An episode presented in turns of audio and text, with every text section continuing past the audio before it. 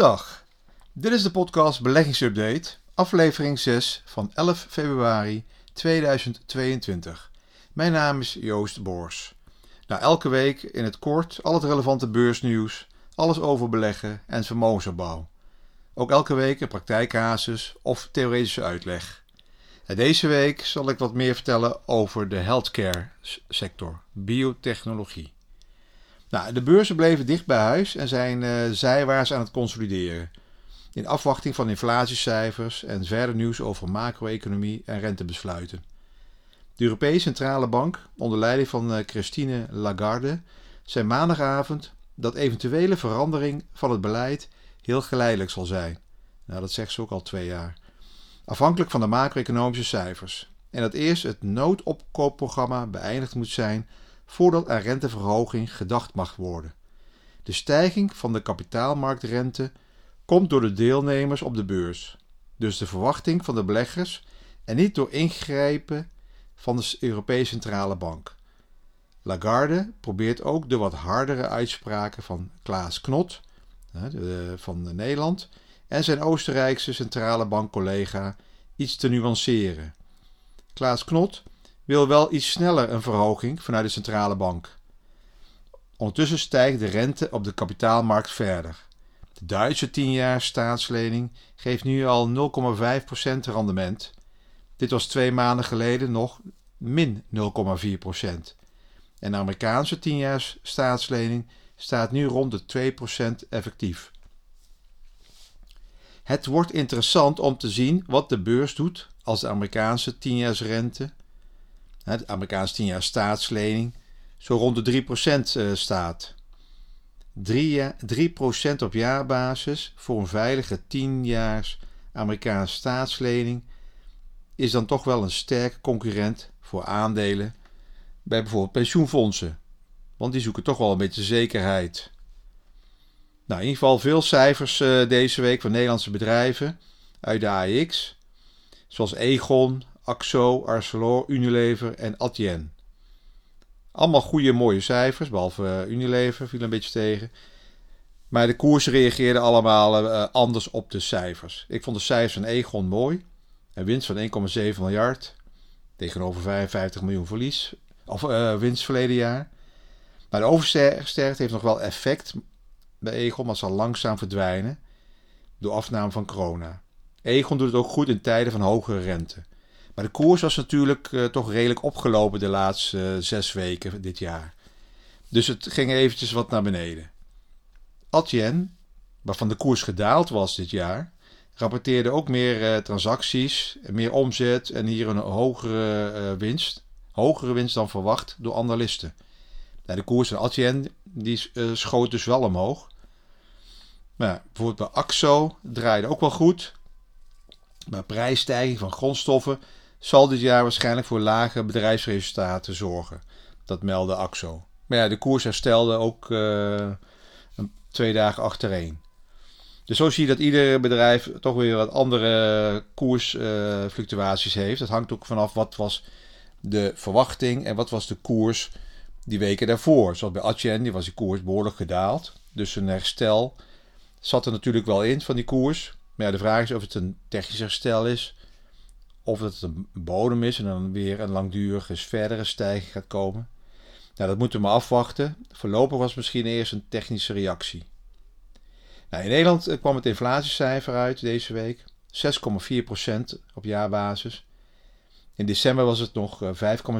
Eh, ja, dus ja, alles wordt wel duurder. Zeker eh, voedsel en energie. De lonen stijgen niet zo snel als inflatie. Dus er blijft minder over om te consumeren. Dus je ziet dat inflatie direct invloed heeft op de economische cijfers straks. Nou, die consumentenprijsindex in Amerika, CPI, kwam uit op 7,5%. Dat was iets slechter dan verwacht. Dat betekent ook dat obligatiekoersen verder dalen en de rente stijgt. Nou, ik zei al, de rente staat zo rond die 2% in Amerika voor die 10-jaarsrente. Eh, nou, de beurs was in ieder geval niet blij mee in Amerika. Nou, dit, deze week zien we echt een rommelige week. Hè, wat ik in het begin zei, zijwaarts, consolideren, stijgen, dalen. Geen duidelijke richting nog. Hoewel de technische condities van de beurs wel wat verder gaan, uh, wat verder verzwakt. de beurs zit nog wel of niet in een dalende fase die een aantal maanden kan aanhouden. dit wordt ook wel de bear market of de berenmarkt genoemd. Ja, een berenmarkt is het tegenovergestelde van een hoos of de stierenmarkt, de bull market.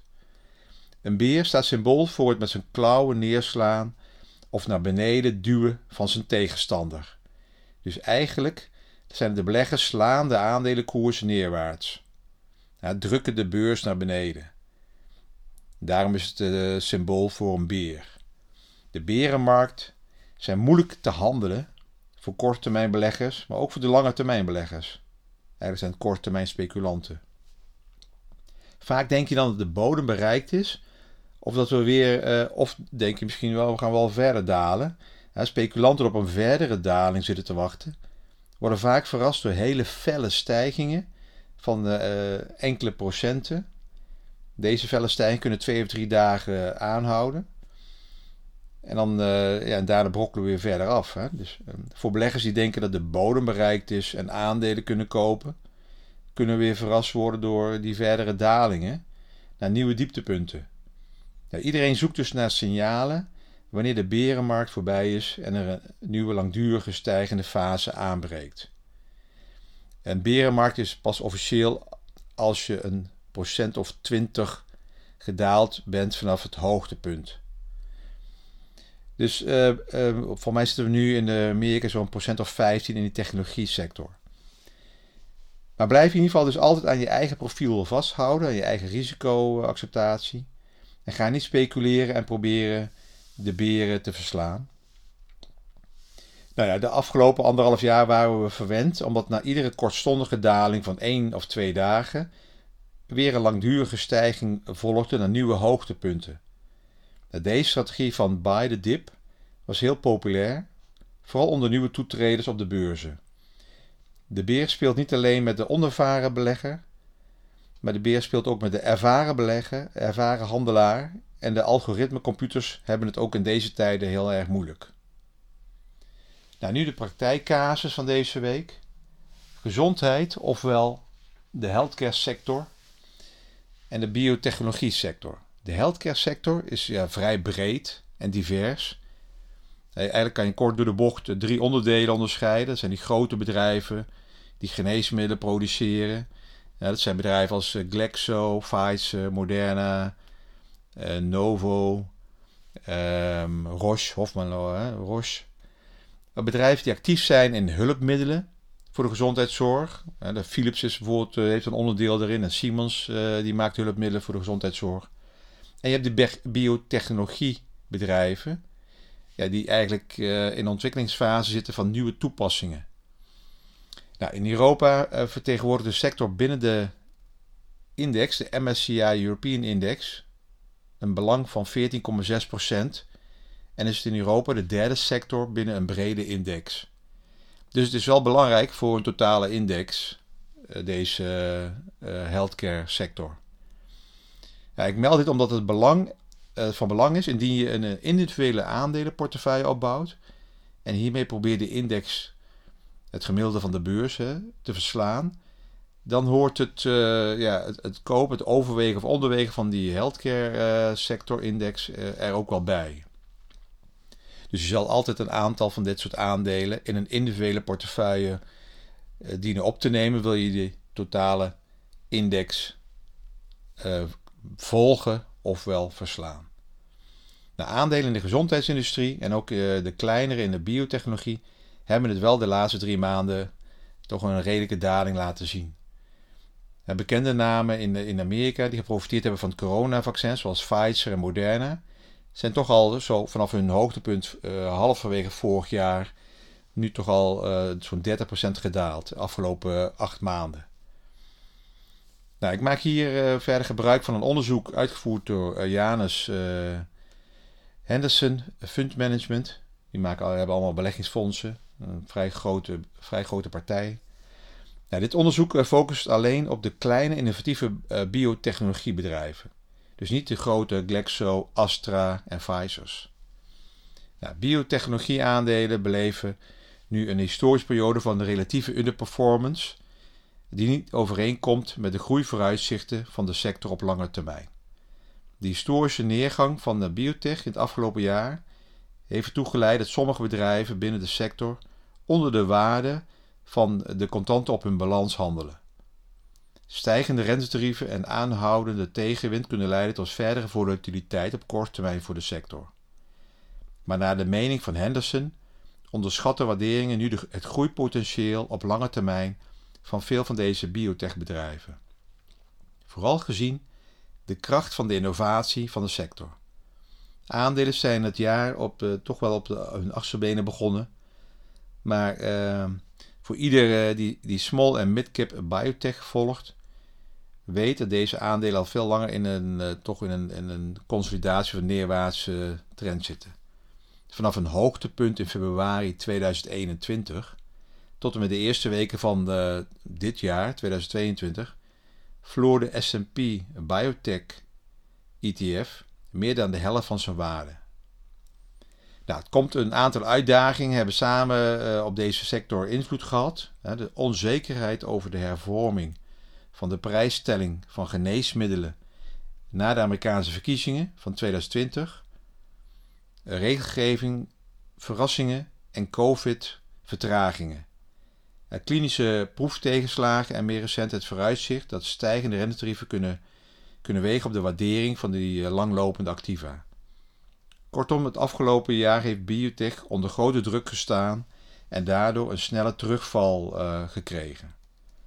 Henderson gelooft niet dat de sector verslagen is. Integendeel, zij denken dat veel biotech-aandelen nu ver onder hun uh, lange termijn uh, intrinsieke waarde handelen ja, wat mogelijk eventueel een unieke kans creëert om uh, hier gewoon naar te gaan kijken en wat uh, posities in te kunnen nemen in deze innovatieve sector.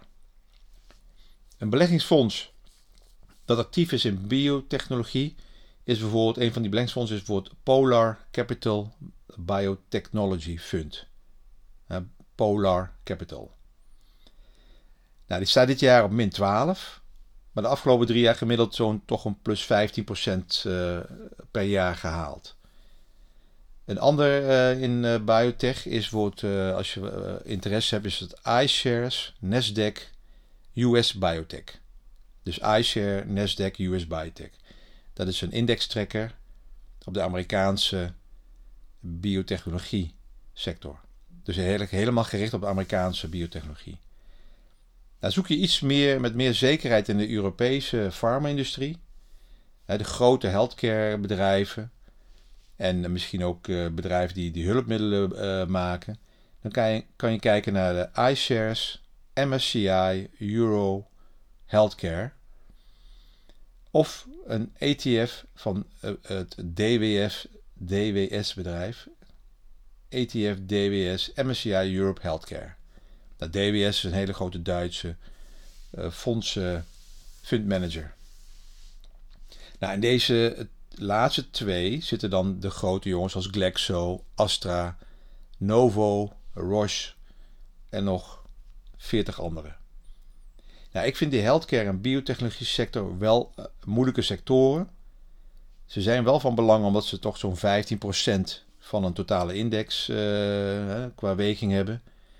Maar het zijn vaak ondoorzichtige bedrijven met een palet aan medicatie en of producten in ontwikkeling hè, in de pijplijn zitten. Hoge researchkosten en kans op uh, mislukking is natuurlijk ook altijd aanwezig.